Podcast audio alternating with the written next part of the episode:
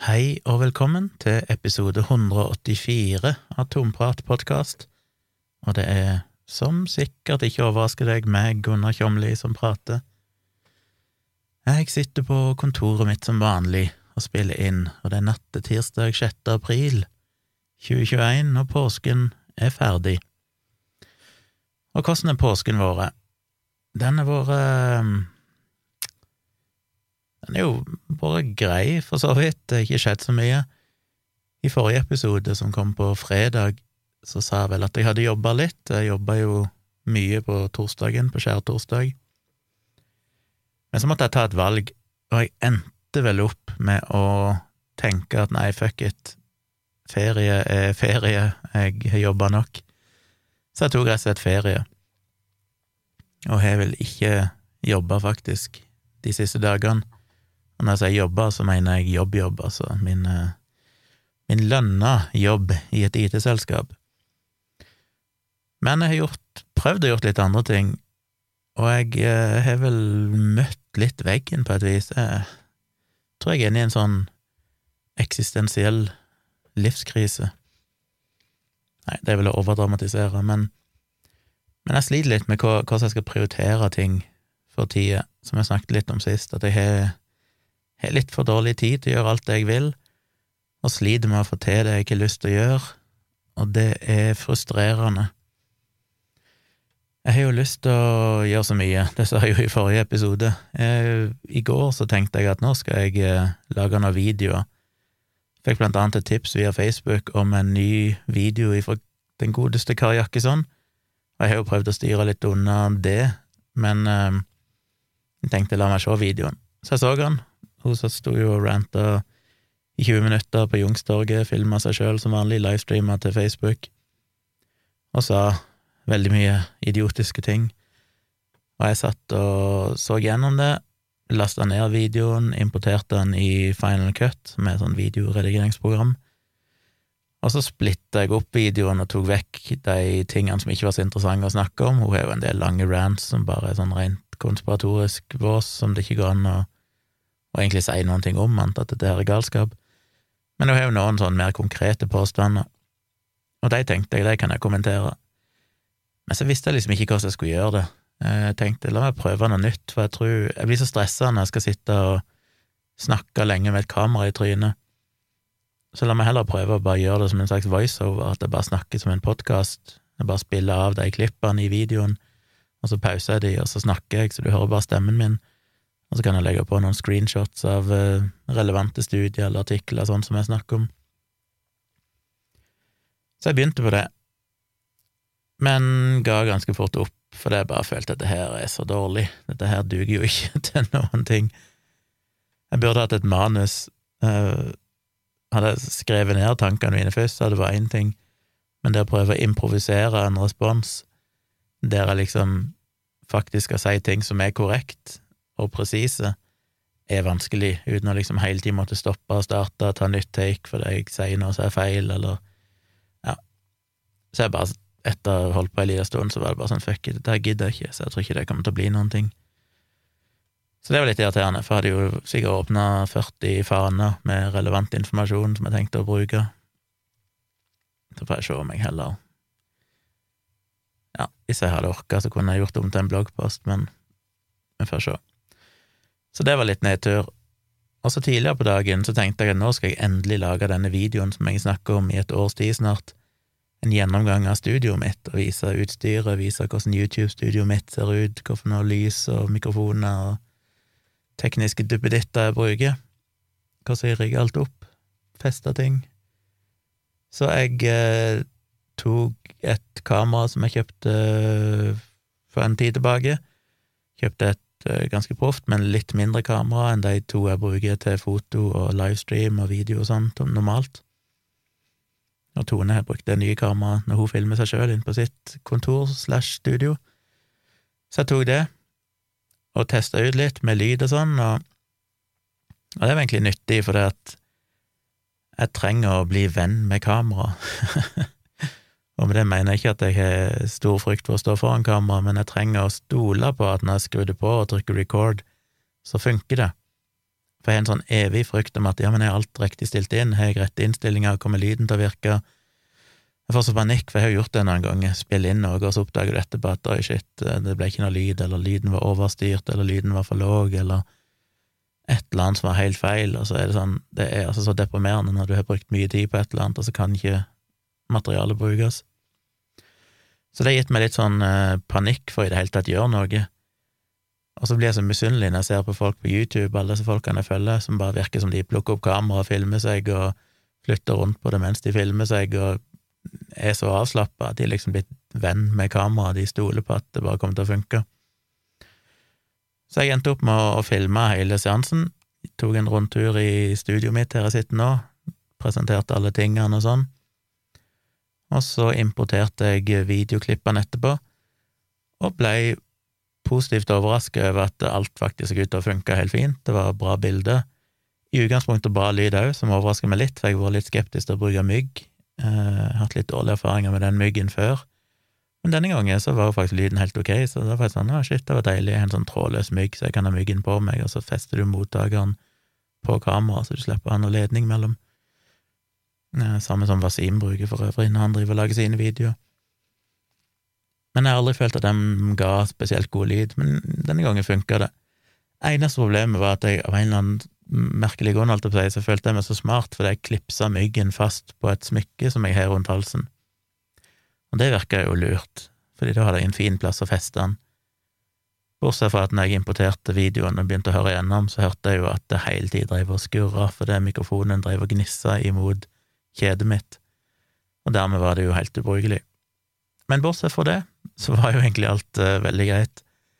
Så det var litt sånn opptur, og tenkte jeg ja, så bra, da skal jeg gjøre det i morgen, altså i dag, spille inn den videoen på nytt, og ikke gjøre den feilen med lyden. Og så var det greit å ha en liten generalprøve og bare liksom få det litt klart for meg hvordan jeg burde presentere studioet mitt og sånn. Men så langt kom jeg aldri i dag, for det, i dag så hadde jeg ikke helt motivasjonen, og så gikk meg og Tone en lengre tur, og jeg hadde med kamera og tok litt bilder. Og når vi kom hjem igjen, så slokna vi begge to. Hun endte opp med å sovne i sofaen, og jeg la meg på gulvet og sovna strak ut på gulvet. Og der lå vi, og så gikk dagen. Tror vi begge var litt uh, Tror vi trengte bare å kollapse litt etter en påske der vi for så vidt var ganske produktive. Tone har jo spilt inn en daglig podkast, så hvis ikke dere sjekker ut den, så kan dere jo gi den en lytt. Den heter Nerve. Den finnes også på Spotify og i alle podkast-apper. Så søk opp Nerve med Tone Sabro, eh, så finner dere den. Hun har gitt ut én episode hver dag nå i påsken. Så hun har gjort det. Jeg har jo hatt denne podkasten, jeg har hatt uh, livestream, vi spilte jo inn ny episode av uh, Virkelig grusomt, og det er jo ganske mye arbeid. Det er når en sitter noen timer og leser og noterer og forbereder en historie og fortelle der. Den kom ut uh, i går, på mandag. Og ja, så det er liksom vært mye som har skjedd, så det var litt deilig å bare kollapse. Ellers så har jeg redigert litt bilder i dag, da, etter jeg tok noen bilder på den turen, så satte jeg meg ned og redigerte, og printa et av de, og det ble for så vidt ganske kult, et ganske, ja, rolig, beroligende bilde jeg tok av noen steiner som stakk opp av isen i en bitte liten dam, med tre og himmel og sånn i bakgrunnen, som jeg lagde og redigerte i svart-hvitt, og fremheva de steinene litt, og de var i fokus, og resten var ute av fokus det var ganske kult å printe det i svart-hvitt. Så jeg får se. Men igjen, jeg er litt usikker på hva jeg skal gjøre. Det, det føles liksom ikke som jeg kommer noen vei. Jeg har ikke lyst til å sitte her og klage, det er ikke det jeg mener. Dette er ikke noe klaging, dette er bare en slags en liten uh, oppsummering av hva er egentlig status, og hva er de harde fakta. Jeg har jo kjørt livestreams to ganger i uka, tirsdag kveld og fredag kveld, og det er gøy, men det er overraskende nok vil dere kanskje tenke, men det er faktisk ganske slitsomt. De varer jo gjerne tre timer. Som regel et sted mellom to og en halv og tre timer ender de opp. Og jeg sitter jo med kamera på meg hele tida, jeg sitter og stort sett prater sammenhengende, svarer på spørsmål. Ofte er det veldig hyggelig, utrolig bra gjeng som er med, ganske mange faste som er der, og så dukker de opp en del nye hver gang. Og jeg vet jo ikke hvem som er der, egentlig, for det er som regel mellom 50 og 100 personer som ser på Ofte så ligger det vel på en mellom 60 og 80, er vel snittet. Og kanskje, ja, gudene vet alltid man skulle si, men la ikke si 15-20 av de maks er kanskje aktive i chatten. Så det betyr jo at det er en del som ser på som jeg ikke aner hvem er, så det er tydelig at det er en del som tuner inn og bare har det på, liksom, mye uten at jeg vet hvem de er. Og det er jo så vidt interessant at folk gidder å se på, og så er det noen hundre som ser på det i ettertid, for det blir jo liggende ute på YouTube som en video, og da er det jo som regel en fire, fem, seks, sju, åtte hundre, avhengig av hvor lenge han er leid ute, som er et nummer å se det, og det er jo kult at noen gidder det. Men hadde jo egentlig håpet det skulle vokse litt, jeg hadde jo håpet det skulle liksom gradvis bli flere og flere når jeg fikk faste tidspunkt, og folk ble vant med at det, eh, det er livestream disse kveldene og sånn. Men det blir liksom ikke noe flere enn det antallet som er der. Og det er sånn som gjør litt demotivert, at det virker det er liksom vanskelig å, å vokse og komme noen vei. Det føles også litt demotiverende å sitte og skrive bloggposter, for det, det er vanskelig å nå ut. Eh, ja, på enkelte så får jeg en del tusen visninger, men på andre så får jeg noen hundre. Og det er litt sånn, er det egentlig verdt det? Er det verdt å bruke tid på det når du har Når du ikke når nok ut? Og det har vel gjort meg litt frustrert det siste året, de siste par årene, at det er Det er vanskelig å ja, Det er fort, fort gjort å høre sutrete ut, men jeg, jeg, bare føler jeg drevet på med dette her i 15 år, og var vel på en måte den som begynte å skrive om vaksiner og begynte å ta for seg alternativ behandling. Eh, nå sier ikke jeg at jeg var først, du hadde jo folk som Asbjørn Dyrendal og Martin Ystenes og andre som var før meg, men de var jo mer marginale, på en måte. Altså, det, var ikke samme, det, var, det var ikke kult på samme måten, det var litt mer for de spesielt interesserte.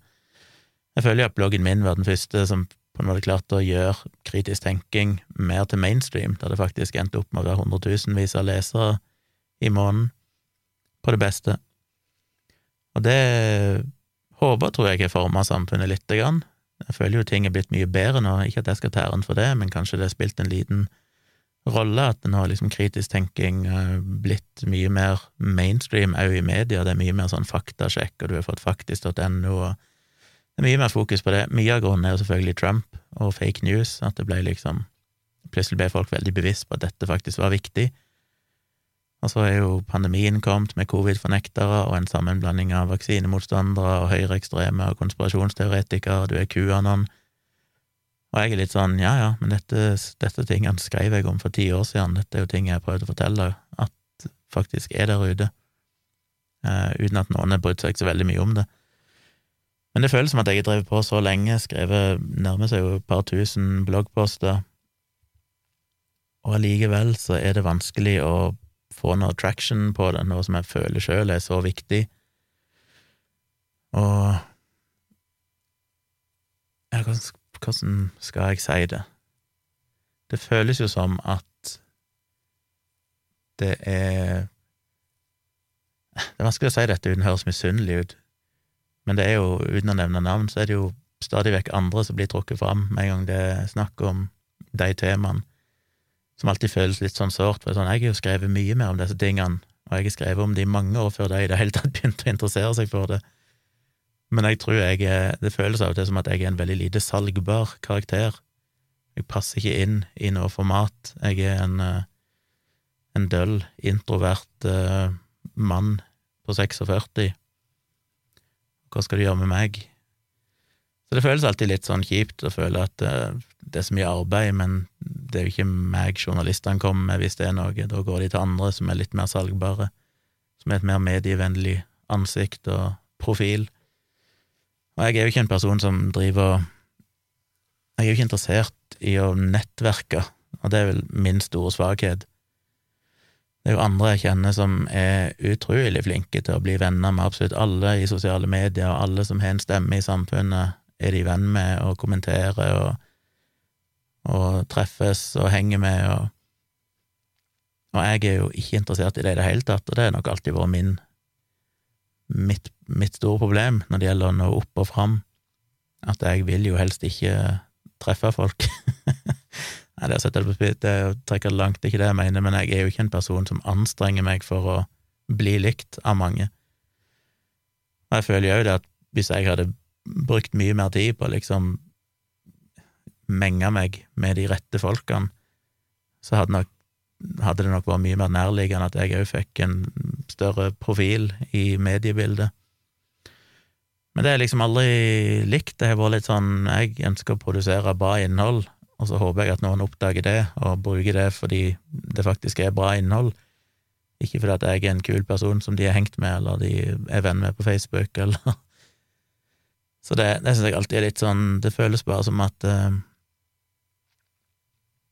Ja.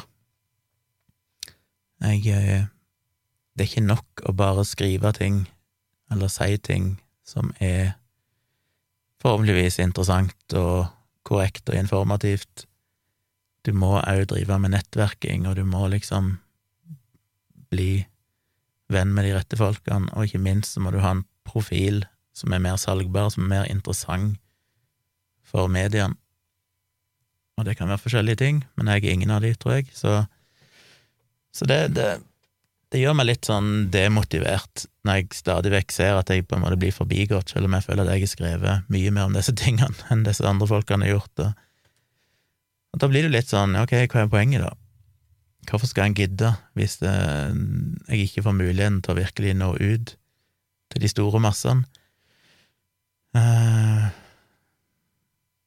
så jeg vet ikke. Og så er det jo en kombinasjon av det at jeg føler at det er vanskelig å vokse, det er vanskelig å komme noen vei. Jeg setter jo utrolig pris på dere som hører på podkasten, og dere som ser på livestreamene mine og leser bloggen og kommenterer og gir meg positive tilbakemeldinger. Dere aner ikke hvor mye jeg verdsetter det, og syns det, det, er så kult at det er noen skikkelig nerder der ute som, som verdsetter det. Men eh, så er det kanskje akkurat det som er problemet, da, at eh, det er veldig, et veldig smalt segment av befolkningen som jeg kan nå ut til. Og selv om jeg syns det er moro og viktig og, og sånn og gjør det jeg gjør, så er det forferdelig mye arbeid for relativt lite. Så det er jeg godt å tenke litt på. Hva skal jeg egentlig gjøre? Skal jeg, det vits i å drive med de livestreamene hvis det bare er de samme folkene som ser på hele tida? Og igjen, ikke fordi jeg ikke setter pris på dem, men det er mye arbeid, og jeg har lyst til å på en måte nå ut bredere og til flere. Og hvordan skal jeg gjøre det? Kanskje jeg heller burde fokusere på andre ting? Og da har jeg jo hatt en sånn liten runde med meg sjøl igjen angående sosiale medier. De som har fulgt med på Dialogisk-podkasten, vet at jeg hadde en et halvt års pause fra Facebook eh, her for et par-tre år siden. Og det funker egentlig veldig bra. Og jeg bare kjenner på meg sjøl at nå er jeg, jeg akkurat de samme tankene og følelsene som jeg hadde den gang. Det der litt sånn Jeg blir veldig, veldig utslitt av sosiale medier. Jeg eh, blar gjennom Facebook eh, litt, og spesielt Twitter, og får folk som driver og tagger meg på Instagram og sånn, som jeg har fortalt om tidligere og jeg leser kommentarer som irriterer meg så. Jeg blir så ufattelig Det er litt sånn som når jeg så den der QAnon uh, Into the Storm, Q Into the Storm-dokumentaren på HBO. Når du ser hva disse folkene tror, så blir jeg så oppjaga. Jeg skulle ønske jeg kunne bare la være.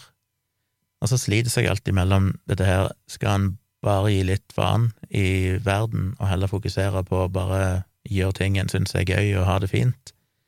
eller har en et samfunnsansvar for å faktisk bidra i samfunnsdebatten?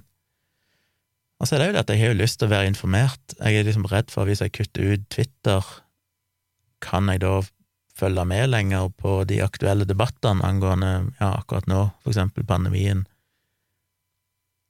Um, jeg er jo på en måte Jeg er jo så ekstremt nysgjerrig og vitelysten og da er det liksom vanskelig å finne en kombinasjon av både å kunne få med seg alt og lære seg, jeg vil jo lære nye ting hele tida, forstå mer, og samtidig ikke føle på det stresset av å se ting som blir skrevet av folk der du bare føler at jeg er nødt til å kommentere dette, jeg er nødt til å påpeke at eh, jeg er nødt til å korrigere denne feiloppfatningen.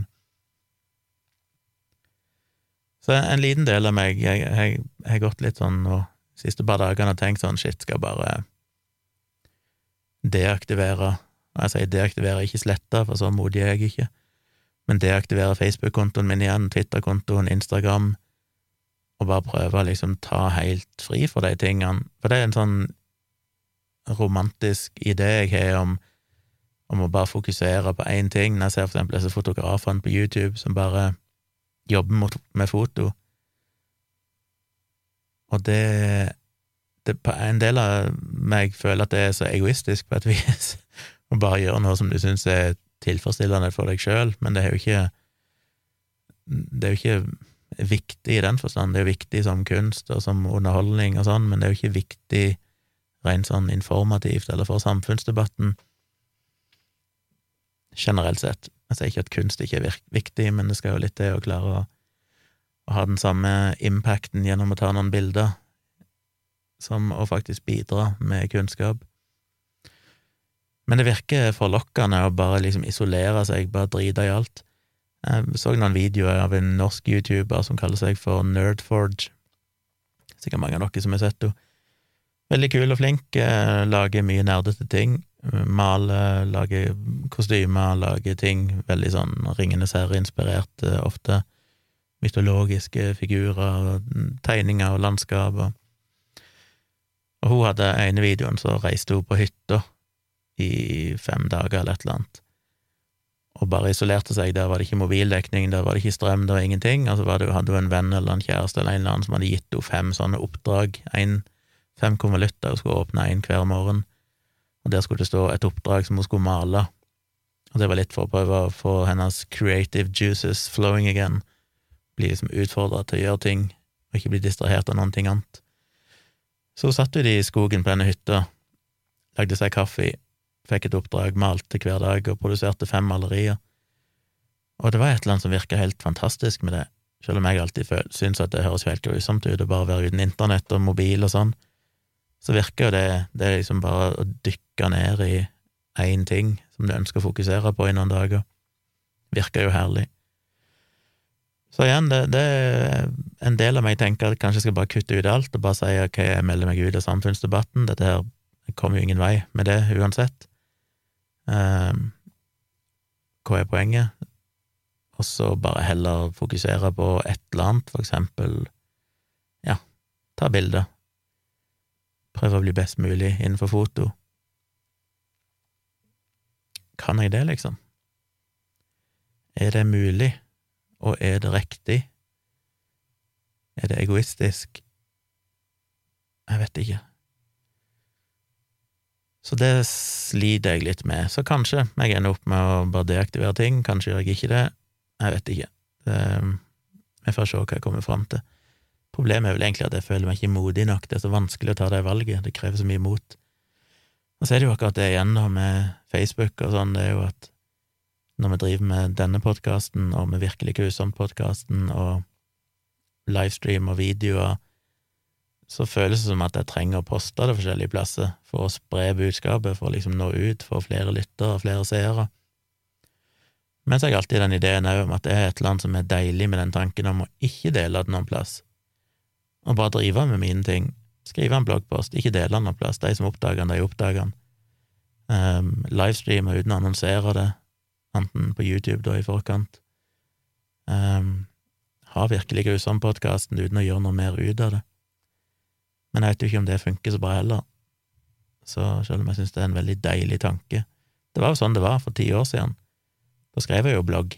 Det var ingen plass å dele den. Det var ikke noe, Jeg begynte jo før Twitter og Facebook og alt dette her. Jeg skrev bare bloggposten, og så håpte jeg at noen oppdaga den. og så gjorde noen det, og så ble de faste lesere, og det var jo et mye mer trivelig miljø. Nå føles det som at du må ut og selge deg sjøl hele tida, og det er jo noe av det jeg er lei av. Og det er det jeg er lei av i livestreams òg. Jeg syns det er utrolig kult å ha funnet det konseptet med livestream og fått til et fint studio og bra teknisk oppsett. Men jeg er så lei av meg sjøl. Herregud, av og til får jeg sånn mareritt av å tenke tilbake igjen på at jeg satt der i tre timer og prata, at ikke folk bare spyr på skjermen av å sitte og se på meg så lenge. Og det er noe med det, jeg blir liksom lei av meg sjøl til slutt og føler at jeg må hele tiden drive og selge meg, jeg har lyst til å få nye patrons, jeg har lyst til at folk skal støtte meg, sånn at det er mulig å drive med dette i enda større grad, og føle at det er verdt det, og føle at jeg får noe igjen for det. Og det er jo fordi at alt dette kommer på toppen av en krevende jobb, som er helt vanlig, som tar mye tid, og som er en belastning ofte, for det er mye arbeid, og det er mye som skal Mye ansvar, er vel rette ordet, for kunder, og ting skal virke, og du skal følge opp ting, og Så det er vanskelig å kombinere de tingene. Så vi får se. Jeg, eh, hvis dere har noen tanker, noen, noen feedback å gi, så går det an å sende det på mail til tompratpodkast.gmail.com. Alltid interessant å høre om dere har noen tanker rundt de tingene jeg snakker om. Kanskje det hjelper meg å, å tenke mer rundt det, fatte et valg. Men jeg hører gjerne ifra dere.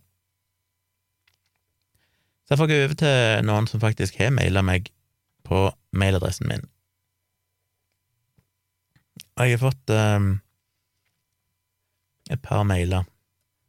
Jeg fikk jo én ifra en som heter Erik, som sendte meg en mail som han kalte for Gunnars godtepose. Og det var jo en utrolig trivelig mail å få, for han hadde rett og slett bare oppsummert en del forskjellige ting i media, saker som han trodde jeg kunne være interessert i, med linker, som kunne være ting jeg eventuelt snakker om i podkasten eller i, i livestream-video. Han skulle se om han klarte å gjøre det til en ukentlig greie, at han sender meg det. Og det er jo utrolig kult at han skulle gidde det. Jeg har ikke rukket å sette meg ned, for det er ganske mye å lese og videoer og se og sånn.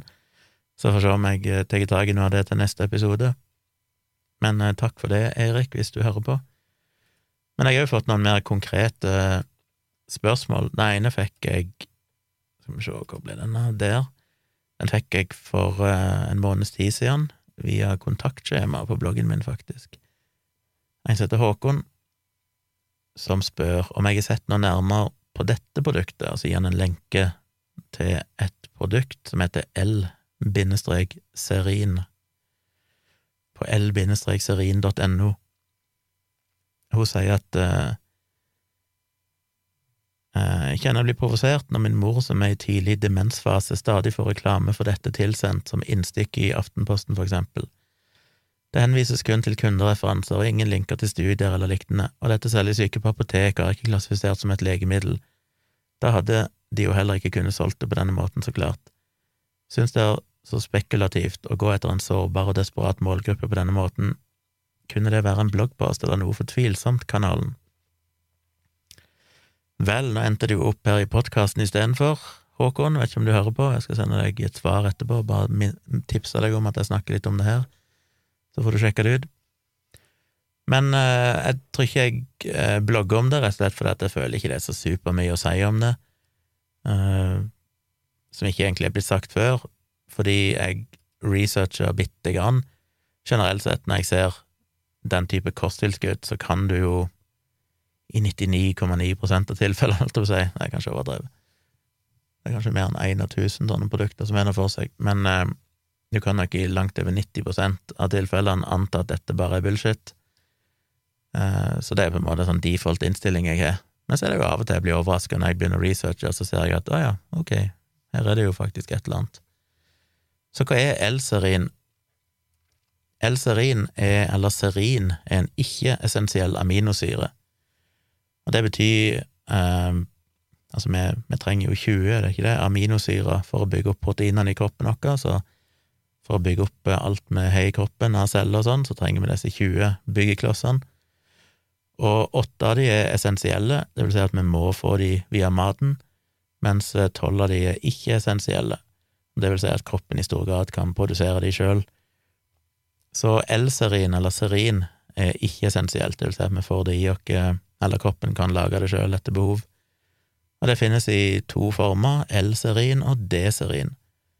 Og L-serin, som vi skal snakke om her, er jo Det er mye tanke om at det kan ha en effekt på hjernen forskjellige, på forskjellige måter. Og det de selger det som, disse L-serien de det finnes flere produkter, men det produktet han lenka meg til, heter L-serin hukommelse. Det skal da forbedre hukommelse primært, men også konsentrasjon og gi en frisk og klar hjerne. Så det er noen sånn kosttilskudd-piller eller kapsler som inneholder L-serin, men det inneholder også noe som heter for Bacopa monieri, som jeg ikke har sjekka hva er for noe, for det var så, var ikke det jeg skulle snakke om, men det skal visstnok kunne forbedre konsentrasjon og hukommelse, hjelpe til med å opprettholde en god kognitiv forståelse og opprettholde minnet etter hvert som vi blir eldre. Jeg skal opprettholde en sunn blodgjennomstrømning, og så videre. Det inneholder acetyl L-karnitin, som skal jo bidra til å støtte opp om og opprettholde en frisk og klar hjerne, og viktige B-vitaminer som skal hjelpe til med å opprettholde aktivitetsnivå, hukommelse og fremme mental konsentrasjon.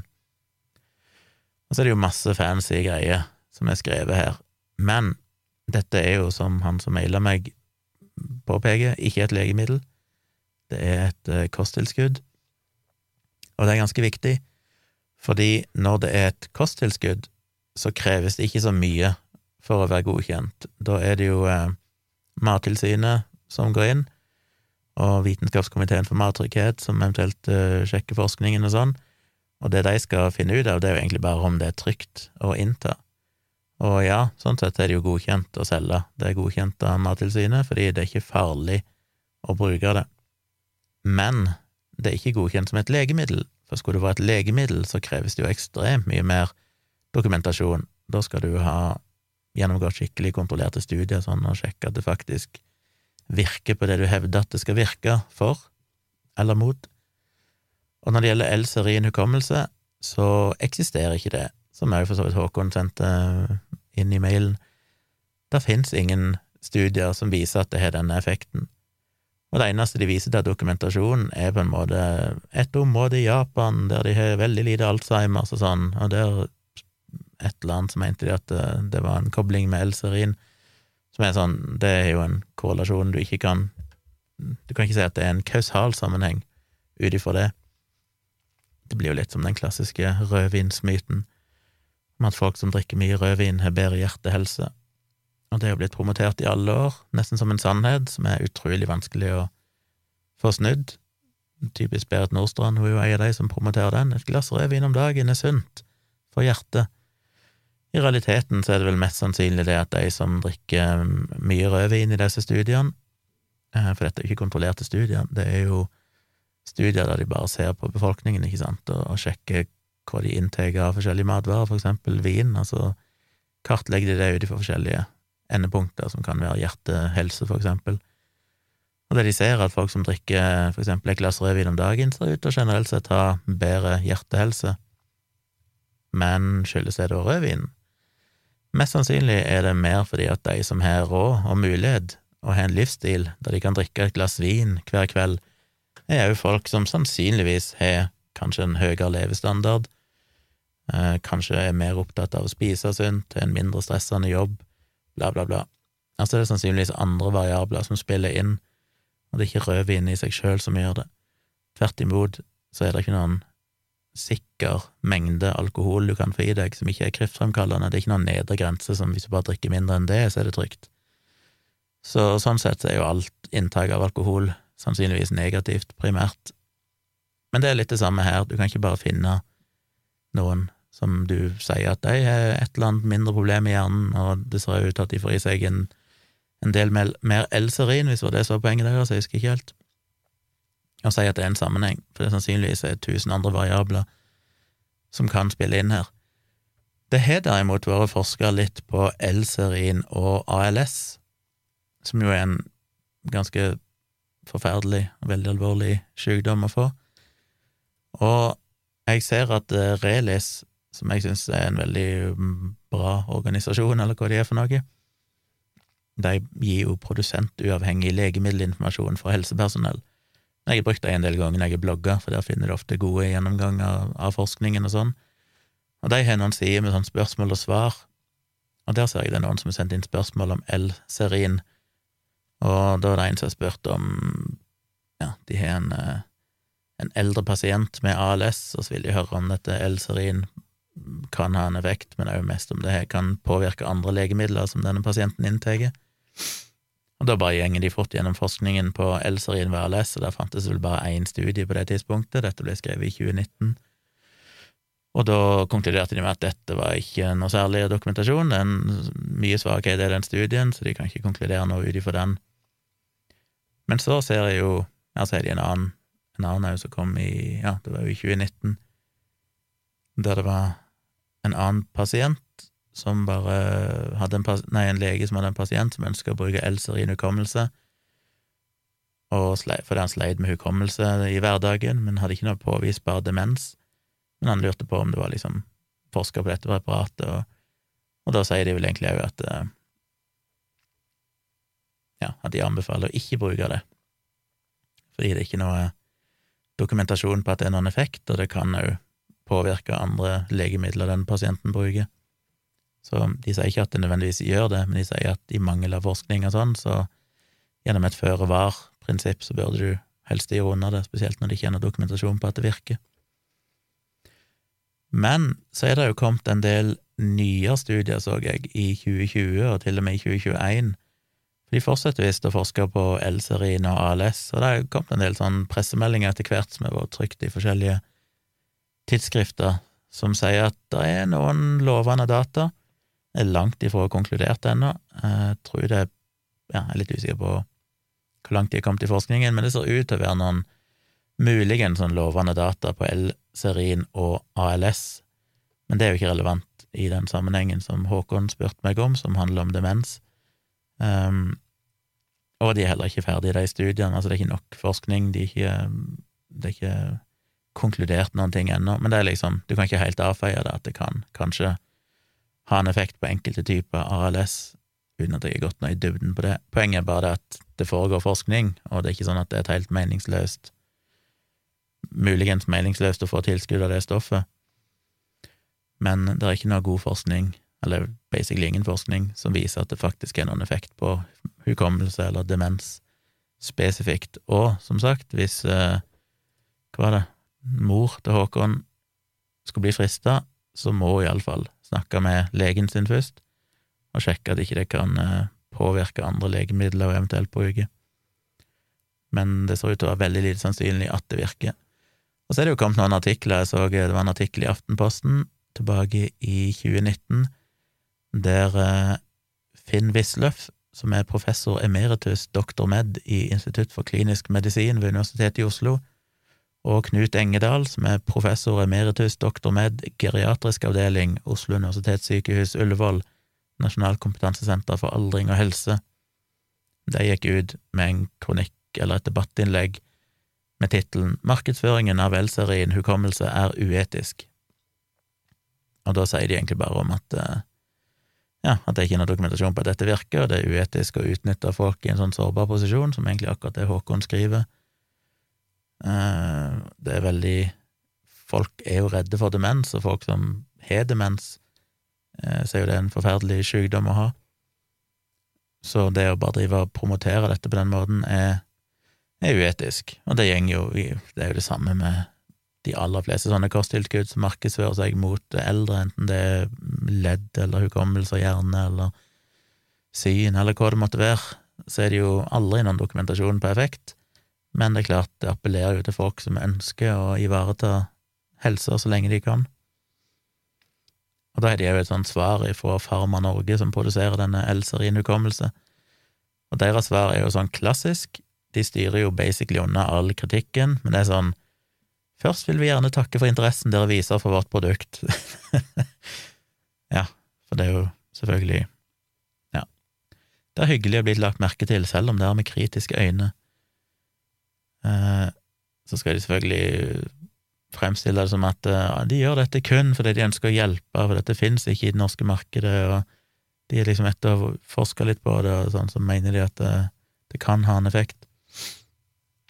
Og så er det den klassiske Vi har fått flere tilbakemeldinger om at legene har stilt seg positive til produktet etter å ha sett innholdsfortegnelsen, som blir litt sånn som når Colgate sier at ni av ti tannleger anbefaler tannkrem med fluor, som de skal få det til å høres ut som at de anbefaler Colgate tannkrem, men det de anbefaler, er basically bare en eller annen tannkrem med fluor. Det er totalt ett fett hvilken tannkrem du bruker.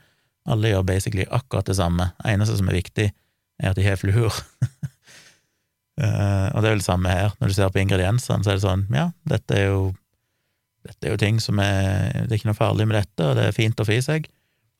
Så legene er sikkert positive. Problemet er jo bare det at du trenger ingenting av det, og stort sett alt som er i disse kapslene, eller alt, får du i deg gjennom maten hvis du spiser et helt normalt kosthold, så det er jo totalt bortkasta, som basically alle kosttilskudd er, med noen få unntak, kanskje. Uh, nå snakker jeg om for folk flest, ikke folk som har fått en beskjed av legen sin om at du trenger D-vitamin, eller du trenger et eller annet B12. Men generelt sett for folk flest som ikke har en dokumentert mangel og ikke har noen helseplager, det å ta et kosttilskudd sånn bare fordi at det skal være bra, det er bra å få i seg disse stoffene, er jo bare tull. Det er jo som noen har sagt, det eneste du gjør, er å, å lage dyrurin. Uh, og så er det det vanlige med at han ene, han som svarer for Farma Norge, han sier jeg har selv gått opp i årene og tar produktet hver eneste dag, jeg synes det hjelper, og det er jeg ikke alene om. Vi får nesten daglig positive tilbakemeldinger fra kunder som føler at produktet er til stor hjelp i deres hverdag. Som er jo sånn, so what, det er jo, dette har et navn, det kalles placeboeffekt, og det har jeg skrevet en hel bok om, og Nei, men det den klassiske at det, eh, virker for meg, Alt av markedsføring av kosttilskudd koker egentlig ned til det, at det eneste de argumenterer med, er det virker for meg. Det er liksom kunder som har sagt at det føles som at det funker for deg, som jo betyr absolutt ingenting når det gjelder dokumentasjon, fordi vi vet at det er så mange andre ting som spiller inn i hva folk måtte føle og oppleve, helt uavhengig av det kosttilskuddet de får. Så ja, og TV 2 hadde faktisk òg en artikkel i uh, eh, 2020, høsten i fjor, og det gikk egentlig òg på det samme, der uh, Hvem var det som uttalte seg her? Det var Jeg er ikke helt sikker på hvem det var, men tittelen er iallfall 'Kosttilskudd som lover bedre hukommelse refses'. Kynisk og utnytte folk. En eller annen overlege som har uttalt seg. Så det de det samme i 2020 òg. Og igjen så har Farma Norge svart og argumentet denne gangen til TV 2 hjelper deg, er det er unaturlig å kategorisk avvise at L-serien ikke har effekt på hjernen og hukommelsen, så lenge det finnes godkjent forskning og dokumentasjon på ingrediensnivå som beviser positiv effekt på den kognitive funksjonen som et hele, samt en pågående studie om sammenhengen mellom L-serin og Alzheimer. L-serin hukommelse er ikke et legemiddel, men et forskningsbasert kost- og ernæringstilskudd som inneholder ingredienser med beviselig dokumenterte og godkjente positive helsegevinster for hjernen og hukommelsen. Og det er igjen den klassiske feilslutningen at fordi et eller annet stoff har en viktig funksjon i kroppen, og det kan være godt dokumentert, så betyr ikke det at det å ta det som et kosttilskudd har noen som helst positiv effekt, både fordi det som regel ikke er sånn at mer av et stoff er bedre, og fordi hvis du har dekka behovet ditt gjennom kostholdet, så er det totalt unødvendig å få i seg eh, dette som et tillegg, og du aner ikke om dosen er relevant av det du får i, i disse kapslene, du aner ikke om det faktisk blir tatt opp i kroppen når du bare spiser det på den måten. Eh, det er, det er så mange ting som gjør at selv om du kan si at et stoff generelt sett er viktig for kroppen, så er det et gigantisk sprang for å si at dermed så vil det jo være nyttig å ta det som et kosttilskudd. Men de gambler jo på det, ikke sant, at fordi det finnes studier som sier at L-serin faktisk er en funksjon i kroppen eh, som kan ha effekt på hukommelse, selv om jeg vet ikke hva de mener, for så vidt jeg har funnet, så er det ikke noe dokumentasjon på at eh, på at det skal være spesifikt knytta opp mot eh, hjernen og, hukommelse. Uh, og det å forsvare seg med at det, det er en pågående studie om sammenhengen mellom L-serin og Alzheimer, er jo ganske irrelevant, for den kan jo like godt være negativ, den studien. Og hvis han er det, så lurer jeg på hva de kommer til å si.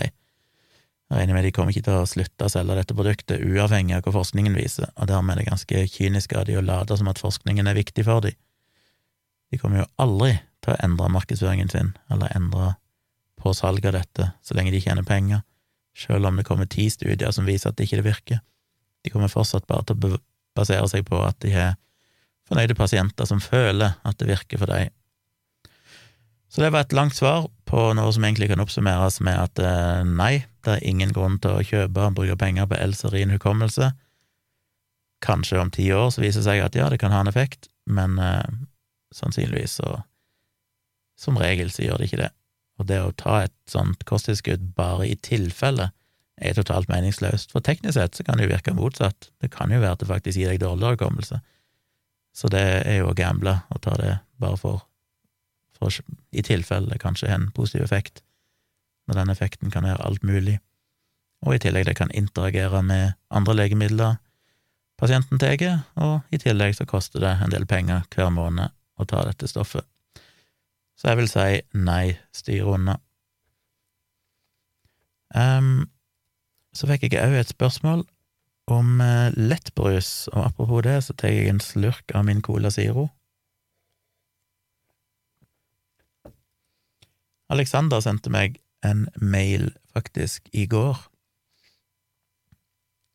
eller egentlig i dag, siden jeg spiller dette inn natt til tirsdag, men på mandag uh, som fortsatt føles som det er mandag nå, selv om det teknisk sett er tirsdag, så fikk jeg en mail av Alexander som skriver har begynt å lure litt på dette med sukkerfri brus, og syns det virker som det er litt motstridende informasjon på nettet. Lurer på om du har undersøkt dette før. Er det en stor fordel i forhold til vanlig brus? Er det noen helsefarer med kunstige søtningsmidler? Kunne kanskje vært et interessant tema for podkasten.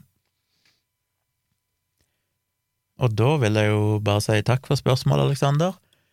Eh, ja, jeg har sett på det før, mye. Jeg har skrevet mange bloggposter om eh, myter rundt lettbrus eller sukkerfri brus, eller kunstige, søt kunstige, søtningsmidler generelt sett, spesielt aspartam. Så hvis du går inn på tjomli.com og bruker søkefeltet og søker på aspartam eller søker på lettbrus, så finner du mange bloggposter der jeg tar for meg det. Når det gjelder sånne mailer, så setter jeg veldig pris på å få det. Jeg er veldig glad for at jeg har fått noen mailer denne uka, så jeg har noe konkret å snakke om. Men det er alltid fint om dere kan være mest mulig spesifikke, fordi å bare snakke om sukkerfri brus er litt sånn vidt eh, og vanskelig å vite hva, hva skal jeg egentlig si om det. Så det er alltid enklere for meg hvis dere har et konkret spørsmål, eller har funnet en påstand i media eller på nettet som dere ønsker jeg skal sjekke om er sann eller et, sånn, eller annet sånt. Men det jeg kan si om lettbrus Det korte svaret er at ja, det er definitivt bedre enn sukkerholdig brus, av flere grunner. Det ene er at det selvfølgelig er færre kalorier, og en av de tingene som er en driver for fedme, er jo å drikke kalorier. Overraskende nok så ser det ikke ut til å være noen sånn direkte sammenheng mellom sukker i mat og fedme, eller risiko for diabetes. Jeg skrev en lang bloggpost om det òg for noen år siden, og det ble jeg litt sjokkert av sjøl, at det er på en måte å, å, spise en del sånne sukkerholdige ting, godteri, kaker og sånn, det ser ikke ut til at sukker i seg sjøl er problematisk. Det eneste de fant en sammenheng, det var når du drakk sukker, og det kan da være sukkerholdig brus, eller det kan være fruktjuice som òg inneholder fryktelig mye sukker. Og akkurat hvorfor er jeg litt usikker på. Det er vel noe med at du rett og slett bare får i deg så store mengder på så kort tid, eh, på en helt annen måte. Når du spiser sukker i form av kake eller sjokolade eller et eller annet sånt, så blir du jo òg mett ganske fort, og kvalm kanskje. Men du kan drikke enorme mengder med sukker når du drikker det som juice eller brus, uten at du får den samme metthetsfølelsen eller føler deg kvalm på samme måten. Så det ser ut til at det eneste de finner en sånn kobling når de har gjort store studier og sett på forskningen om, om sammenheng mellom sukker og overvekt, så er det når du drikker sukker som er problemet.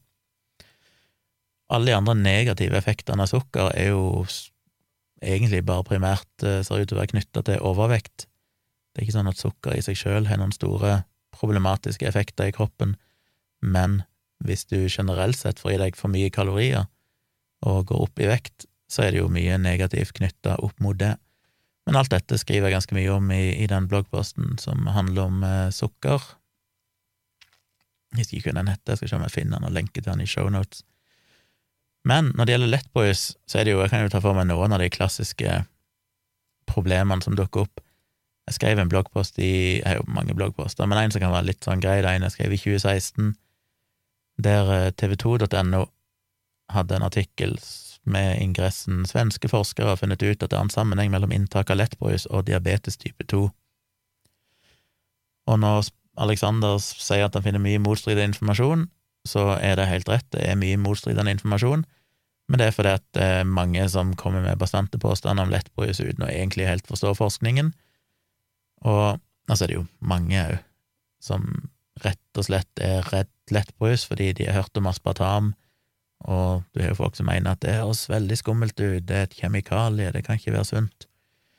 Men igjen, dette har jeg jo blogga mye om, det er aspartam er et av de mest grundig studerte næringsstoffene vi har i maten vår, og det er totalt trygt i de dosene du kan få i deg i kostholdet. Eh, får du i deg ekstremt mye, så kan det selvfølgelig være farlig, og for enkelte med en spesiell eh, sykdom der de ikke klarer å bryte ned aspartam, så kan det òg være problematisk, men de vet veldig godt om det, for de tåler vel heller ikke kjøtt og en del andre sånne ting. Men det er veldig, veldig, veldig få. For folk flest er det totalt uproblematisk. Men det er en, sånn, en del sånne myter, da, som at de finner en sammenheng mellom inntak av lettbrus og diabetes type 2, eller at de finner at folk som drikker mye lettbrus, er mer overvektige. Og det er mange som har den ideen om at det å drikke lettbrus faktisk gjør deg feit. Hvorfor det? Jo, fordi at de mener De finner sånne intrikate mekanismer som at det påvirker sultfølelsen din, du lurer kroppen din til å tro at du får i deg sukker, og så begynner kroppen å produsere insulin, og så ender du opp med for lågt blodsukker, og dermed får du lyst til å spise mer, og så ender du opp med å bare bli tjukkere av å drikke lettbrus. Ingen av de tingene er faktisk dokumentert i virkeligheten, og jeg skriver litt om det hvis dere vil lese mer om det, hvilke studier som er gjort. Men det er de som regel den feilen de veldig ofte gjør, og som er jo relevant i denne TV 2-artikkelen, er at de finner at folk som drikker mye lettbrus, er mer overvektige, for eksempel de har høyere BMI enn andre som drikker sukkerholdig brus, for eksempel. Og så konkluderer de med at eh, Og da vil jeg jo ha høyere risiko for diabetes type 2. Og da konkluderer de med at aha, så lettbrus fører til en økt risiko for diabetes type 2 eller for overvekt. Problemet er jo at de snur på årsak og virkning, og det skriver de jo faktisk i denne studien. De skriver jo det i diskusjonsdelen på slutten av studien, der de på en måte oppsummerer funnene sine og drøfter litt sånn for og mot. Og da skriver de Alternatively, one could speculate that consumers of artificially sweetened beverages may have swapped from sugar sweetened beverages to prevent further weight gain. In that case, we may actually be assessing diabetes risk related to previous high consumption of sugar sweetened beverages. In line with this explanation, we found the highest BMI both at present and age 20 in the group reporting high intakes of artificially sweetened beverages. Så de sier jo på en måte at det er jo kanskje det de gjør her i denne studien. studien. De eh, Greia er at folk som sliter med overvekt, finner ut at hm, kanskje jeg burde begynne å drikke sukkerfri brus, eller så switcher de til sukkerfri brus, og så er de med i disse studiene, og så finner de at de som drikker sukkerfri brus, er mest overvektige. Fordi det er ikke sånn at ved å switche til sukkerfri brus, så går du automatisk ned i vekt. Eh, det krever jo en total omlegging av kostholdet og det totale energiregnskapet ditt. Så disse folkene vil sannsynligvis fortsatt være overvektige, selv om de er switcha til lettbrus, som jeg er et godt eksempel på. Eh, og de fant vel òg i samme studien at de som drakk lettbrus, hadde òg den mest usunne livsstilen generelt sett, de spiste dårligere mat og sånn. Og det er jo en klassisk mekanisme at folk eh, spiser masse junkfood og sånn, og så på en måte kompenserer de ved å drikke lettbrus. Da, liksom, da gjør det alt greit, det nuller ut alle de negative, farlige kaloriene fra all den andre maten de spiser. Så det å drikke lettbrus i seg sjøl er jo ikke noen garanti for at du skal plutselig bli et sunt og eh, normalvektig menneske i den grad det finnes noe normalvektig. Um, så det er en av de der klassiske så De aller fleste artiklene du finner om at lettbrus fører til overvekt, og så viser de til en eller annen studie, så er det den feilen de gjør. Det de egentlig finner i studien, er at det er folk som allerede var overvektige fordi de drakk sukkerholdig brus tidligere, eller generelt sett hadde en usunn livsstil som er switcha til lettbrus i håp om å kompensere litt for det. Men det er ikke lettbrusen som gjør at de er overvektige. Uh, ja, de fant at de hadde en mer usunn livsstil. Uh, så jeg skrev litt i den bloggposten her òg om dette med lettbrus og sultfølelse. Og de har undersøkt dette i studier, og de finner at lettbrus ikke påvirker insulinnivåen eller fører til mer matlyst. Og det er vanskelig å forske på de her tingene, ikke sant, for dette er jo sånne studier igjen, der du på en måte tar folk, og så skal de rapportere i ettertid hvor mye lettbrus drikker du, hvor mye brus drikker du med sukker og sånn. Og sånne studier er notorisk eh, vanskelig å gjennomføre, fordi at folk underrapporterer som regel usunn mat i veldig stor grad. I noen studier er det opptil 80% underrapportering. Eh, for folk ønsker jo gjerne å, fremstå som sunnere enn det de er, om det er bevisst eller ubevisst, så eliminerer de litt av den usunne maten de spiser. Um, så det er vanskelig. Men det er blitt gjennomført Jeg husker ikke det er lenge siden jeg skrev om dette, men iallfall én Jeg tror det er flere òg, men det er blitt gjennomført studier som er kontrollerte. Det vil si at du tar ei gruppe med folk, og så måler du for eksempel BMI og forskjellige ting i starten, og så holder du de mer eller mindre innesperra og kontrollerer all mat og drikke de får i en viss periode, for eksempel. Sånne studier kan jo aldri være lange, men la oss si de kan gjøre det i to uker. Og så kan de måle etterpå, har det liksom påvirka BMI-en at de drakk så og så mye sukkeroljebrus hver dag kontra den andre gruppa som drakk lettbrus. Og i sånne kontrollerte studier så finner de konsekvent at det å drikke lettbrus fører til nedgang i BMI. Så det er ganske utvilsomt eh, at det å drikke lettbrus gjør at du får i deg færre kalorier, og dermed er bra. Det, ikke, det, betyr ikke at du går opp i vekt. Tvert imot, du går ned i vekt hvis alt annet på en måte er likt. Så det er viktig. Eh, det andre jeg kan si, som jeg nevnte litt, er aspartam. Det er jo det andre. Folk er redd for lettbrus, og de er redd for at aspartam skal være farlig. Det er det på ingen slags måte. Jeg skal ikke si så mye om det her, for jeg har skrevet så ufattelig mye om det. Men det korte svaret er jo bare at nei, aspartam er, eller ja, aspartam er helt trygt. Ellers så vet jeg ikke helt uh, hva med det å si om det. Det er jo, når det gjelder sukkerholdig brus og lettbrus, så er jo begge deler usunne for tennene. Men der kan en vel òg argumentere med at sukkerholdig brus er litt verre for tennene, fordi at det inneholder jo faktisk sukker, som eh, ikke er bra for tennene. Dere har alle hørt om karius og baktus. Eh, mens lettbrus er jo ikke det, men til gjengjeld så er jo begge veldig sure, sånn at de kan slite på emaljen på tennene. Og eh, sånn sett så er jo ingen av delene spesielt bra for tennene. Men jeg vil vel si at sukkerholdig brus er litt verre, for den er både sur, og i tillegg inneholder sukker, som er uheldig. Så ja, skal en oppsummere, så er det vel ikke noen tvil i det hele tatt om at det er best å velge lettbrus hvis du skal velge en av de to tingene.